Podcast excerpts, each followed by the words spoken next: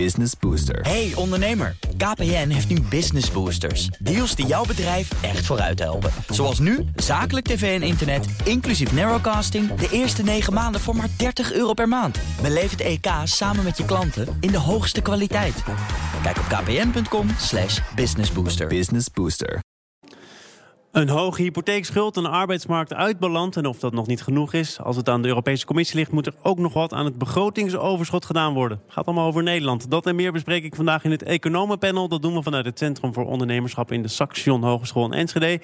Een warm welkom voor Irene van Staver, hoogleraar pluralistische ontwikkelingseconomie aan de Erasmus University Rotterdam, om het modern te zeggen. Menno Middeldorp, hoofdeconoom Nederland bij de Rabobank. En Koos Held, opleidingscoördinator en docent bedrijfseconomie van de Saxion Hogeschool. En ook hier is mijn zakenpartner Barbara Lemstra, commissaris bij onder andere OostNL en het Topfonds Gelderland. Dit gaat, ik uh, herhaal het toch maar eventjes, over Nederland. En als je dat zo allemaal op een rijtje zet, dan denk je... nou, er is hier iets grondig mis, Menno. Klopt dat? Nou, ik denk als je het rapport leest... dan zeggen ze ook wel dat er een heleboel goede dingen zijn uh, aan Nederland. Maar ze noemen natuurlijk de, zeg maar de, de aandachtspunten, de dingen die beter kunnen. En ja, als je dat rapport leest, dan zitten niet echt hele grote verrassingen in... voor mensen die regelmatig de Nederlandse economie volgen. Um, en het zijn denk ik ook wel dingen waar een heleboel Nederlandse economen en zelfs een heleboel Nederlandse ambtenaren zich wel in kunnen vinden. Het is natuurlijk ook zo dat de Europese Commissie vraagt al die mensen uh, wat zij ervan vinden. Dus ze doen eerst een rondje door alle, alle economen. En dan komt dit eruit. Eigenlijk is dit het antwoord van alles wat ze zelf aan input hebben gegeven. Um, dat, dat, dit is een antwoord. Dit is gedeeltelijk zeg maar, op basis van wat mensen die in Nederland zitten, die de Nederlandse economie volgen, zeggen over de Nederlandse economie. Dus het is ook een beetje een spiegel um, die, die ons voor wordt gehouden. Op een manier dat. Um, ja, dat, dat, dat, deze issues geuit kunnen worden door een externe. Nou. Uh, ik denk, en als je de dingen die, die eerder werden genoemd bij de intro, um, daar is denk ik dat zijn dingen waar ook aandacht, aandacht is voor, vanuit beleidsmakers. Hè? Ja, dat zou het moeten, want we horen dit al heel lang. Je zou kunnen bijna kunnen zeggen, Koos het is een repeterende plaat. Die hypotheekschuld van Nederland, die arbeidsmarkt... die ja. niet in balans is, ondanks dat er een wetsvoorstel is dat anders heet. Namelijk wel in balans. Ja, dat klopt. Het is een repeterende plaat. Ik heb uh, vanmorgen een artikeltje uitgeprint uit 2011. Er staan exact dezelfde opmerkingen in uh, dan uh, als nu. Dus dat betreft wordt er, ja, is er even vooruitgang. Nou, wat zegt dat dan?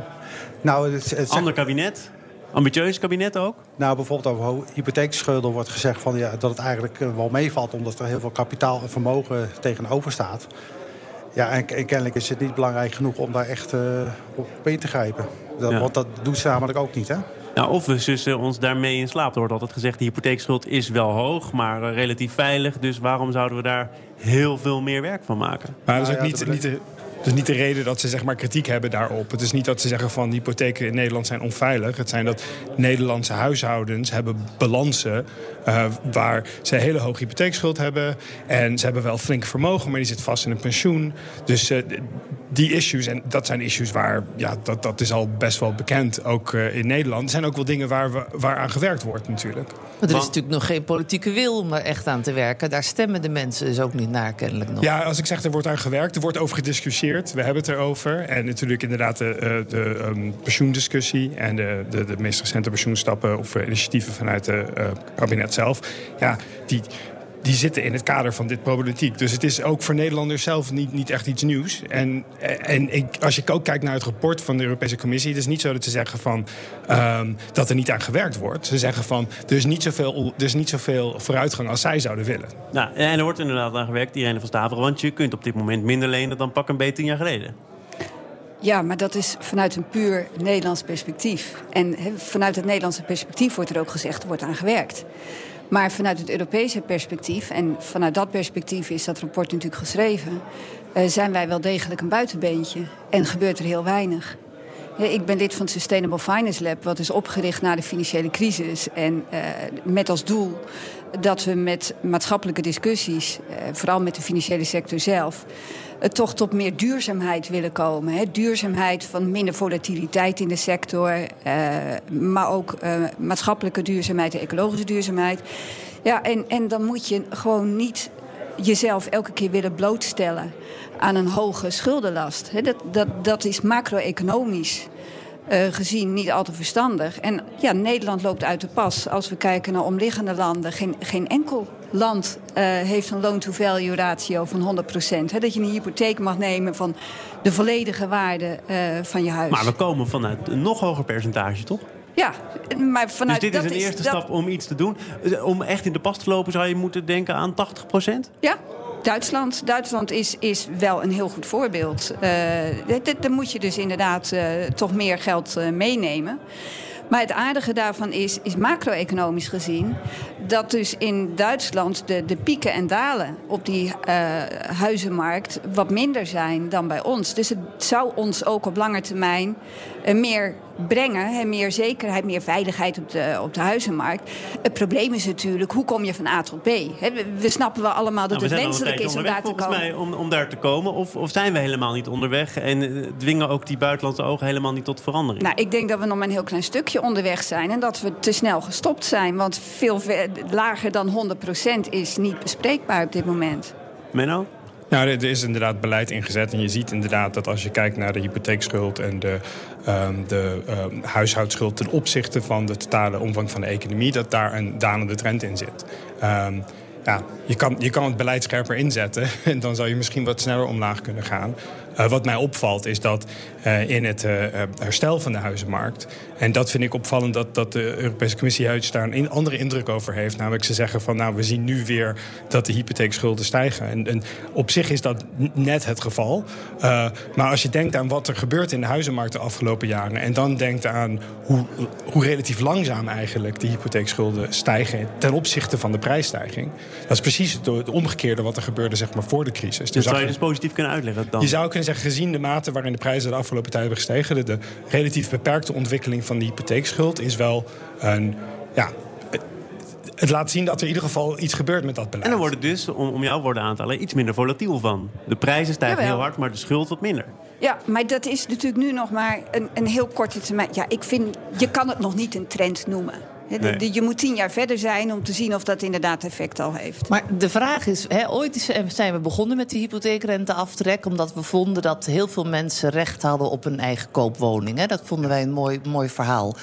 Waarom is dat niet al in de jaren tachtig geëvalueerd en langzaam weer afgebouwd? Zoals dat met heel veel subsidies gebeurt. Nou, we hadden net al 2011, we gaan nu naar de jaren 80. Ja, ja, maar daar ligt het probleem. Je kan niet zoiets zomaar afkappen? Want dan, dan heb je grote problemen in het land, Ik of niet? niet? Dat het ook uh, politiek is. Uh, de kiezers die willen niet graag een, uh, een signaal horen van... hey, dit gaat mij netto wat kosten. Dus de, ja, de politiek is daar natuurlijk ook Ja, maar het is, het is al een iets minder heilig huisje dan het een ja, aantal jaar geleden was. Ook voor de VVD. Dat is 40 jaar. Een weg van 40 jaar, hè? Er wordt steeds minder uh, een heilig huisje, maar het is het nog steeds.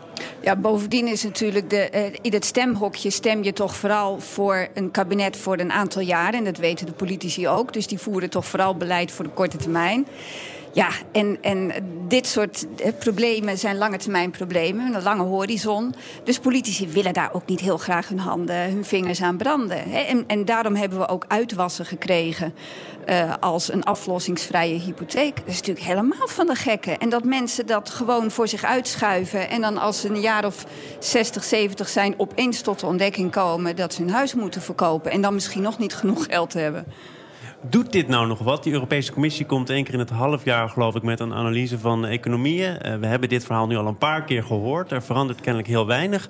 Of Menno begint alvast twijfelend te kijken. Er verandert dus uh, genoeg, ook misschien wel onder druk van die Europese Commissie... of door het in Europese context te plaatsen? Nou, ik denk, ik denk wat ik eerder zei, het is een soort spiegel. Dus het, de, dit is een, een, een gevolg van een proces, van een discussie... die eigenlijk al plaatsvindt tussen ambtenaren bij de Europese Commissie...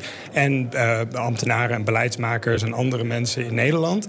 En dus die discussie is al lang op gang. Ja. Uh, en, en dat wordt dan netjes dan in zo'n rapport opgeschreven... op een manier dat het uh, uh, naar buiten kan.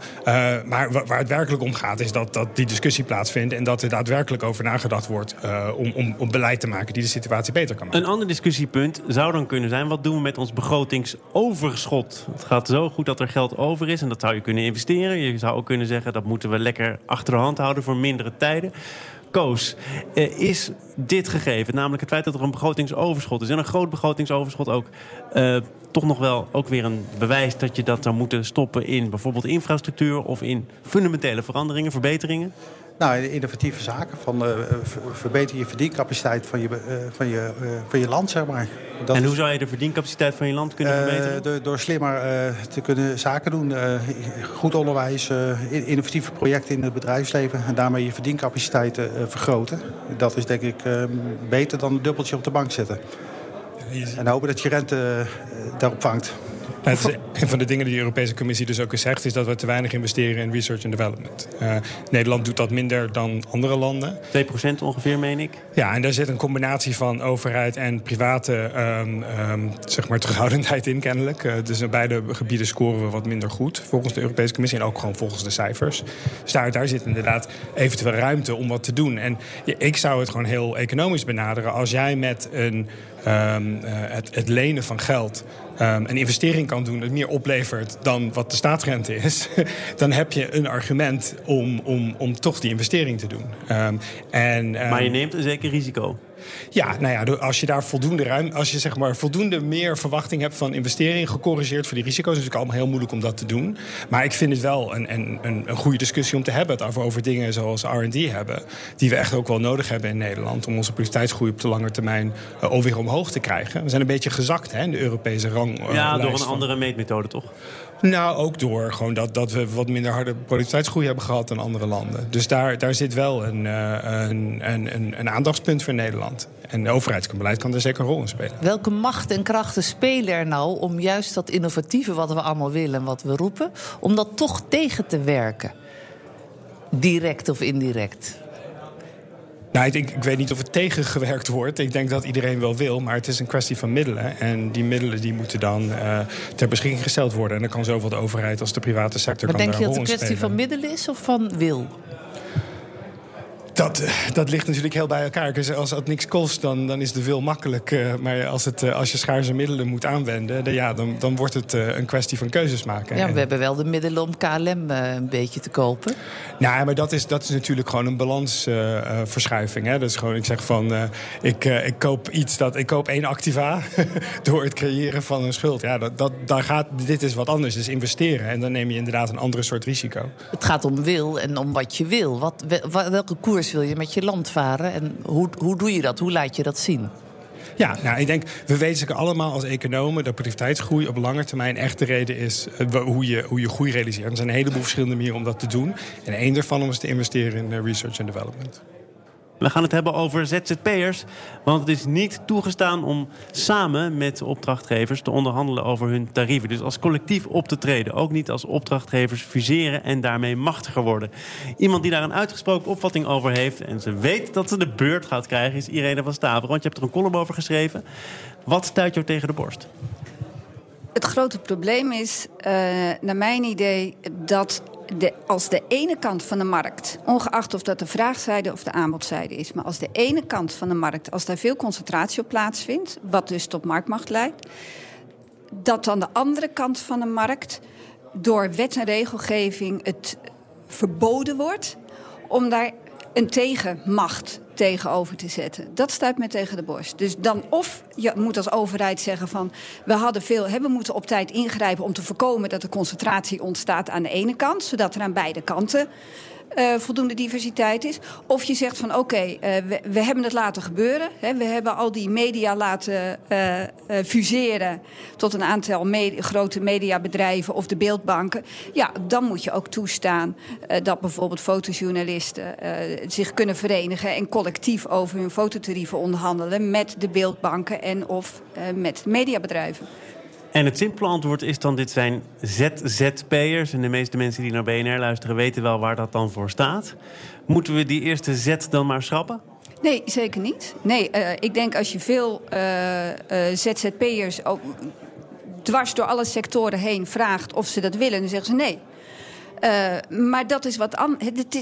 De vraag is niet van moeten ze werknemer gaan worden. De vraag is alleen of ze collectief over tarieven mogen onderhandelen. Ja. Nou, zitten we hier met een paar andere economen. Uh, dit is eigenlijk een uh, klassiek spel van vraag en aanbod. En als er dus aan de aanbodzijde iets verandert, de macht verandert of wordt geconcentreerd, dan zou de vraagzijde daar iets aan kunnen Nee? Verhaal ik nou vraag en aanbod door elkaar? Maar dat maakt niet uit. Maar het, ma- het machtsevenwicht is wellicht eh, verstoord. En, eh, Daar komt het op neer. Ja. daar, daar maakt de, de discussie natuurlijk eh, heel moeilijk. En vaak zit de ZZP aan de verkeerde kant van de, van de lijn dan. En dus Nou, dat zou kan- je kunnen zeggen, dan hoort daar misschien een onorthodoxe maatregel bij, namelijk dat ze toch collectief gaan onderhandelen over hun tarief. Dat is inderdaad een heel onorthodoxe, nog afgezien van de vraag hoe je dat dan zou moeten organiseren. Maar Ja, maar dat is eigenlijk altijd maar het ze laatste zouden- argument, is het uitvoeringsargument. De eerste vraag is Ja. natuurlijk wat principiëler. Principieel zou je kunnen zeggen van eh, eh, iedereen moet dezelfde, eh, ja, dezelfde rechten hebben, dezelfde rechten en plichten. Dus geef, ze de- geef ze dat recht. Maar ja, dan kom je dus weer in die discussie van... is het een werknemer of, eh, die, die doet alsof hij zelfstandig is of Een schijn eh, zelfstandige. Ja, en, en ja. Daar, daar zit ook... Want werknemers mogen zichzelf verenigen en collectief onderhandelen. Ja. Dus daar... Vak, ja, daar- vakbonden. hè? ja, precies. dus daar, daar, daar zit al de moeilijkheid van deze discussie. En dat is ook eigenlijk waar de Europese Commissie op wijst in, dit, eh, ehm, in, in haar rapport. Van, ja, dit, is, dit is ook weer iets dat heel anders is in Nederland. En ehm, waar, waar zij van vinden dat er wat meer balans in zou moeten komen. En we hebben inderdaad het, eh, het wet arbeidsmarkt in balans gezien. Maar daar werden juist de ZZP'ers niet echt aangepakt. Nee, maar goed, daar wordt op dit moment volgens mij door een commissie wel over nagedacht. En volgens mij in het regeerakkoord staan al plannen om tot een minimumtarief te komen voor ZZP'ers. De autoriteit Consument en Markt heeft zich twee weken geleden uitgesproken over een mogelijk onderzoek om kwetsbare ZZP'ers uit te zonderen en toch ook als een collectief te kunnen beschouwen. Is er hier iets aan het kantelen? Ik denk het wel. Maar ik vind het wel heel lastig als eh, verschillende discussies eh, met elkaar vermengd worden. Want volgens mij is er veel meer aan de hand dan het verschil tussen een zelfstandige en een werknemer. Je, je, er, zit veel meer tussen. Je kunt gewoon collectief, je zou collectief kunnen onderhandelen. eh, en ver weg blijven van werknemerschap. U vraagt de fotojournalisten, die zitten echt niet te wachten om werknemer te worden van eh, de persgroep. Eh, terwijl ze 20, 30 jaar geleden waren de meeste fotojournalisten voor kranten gewoon in dienst bij die krant. Het is niet dat ze daar naartoe terug willen. Maar eh, er, er is een machts on, ja, onevenwicht ontstaan op die markt. En daar moet je wat jij aan zou, doen. jij zou per branche willen kijken of er sprake is van machtsevenwicht of Ja. juist het gebrek daaraan. Dus je noemt nu Precies. al een paar keer die fotojournalisten. Daar geldt dat, in de media geldt dat. Gelden er nog andere sectoren waar we dit ook zien?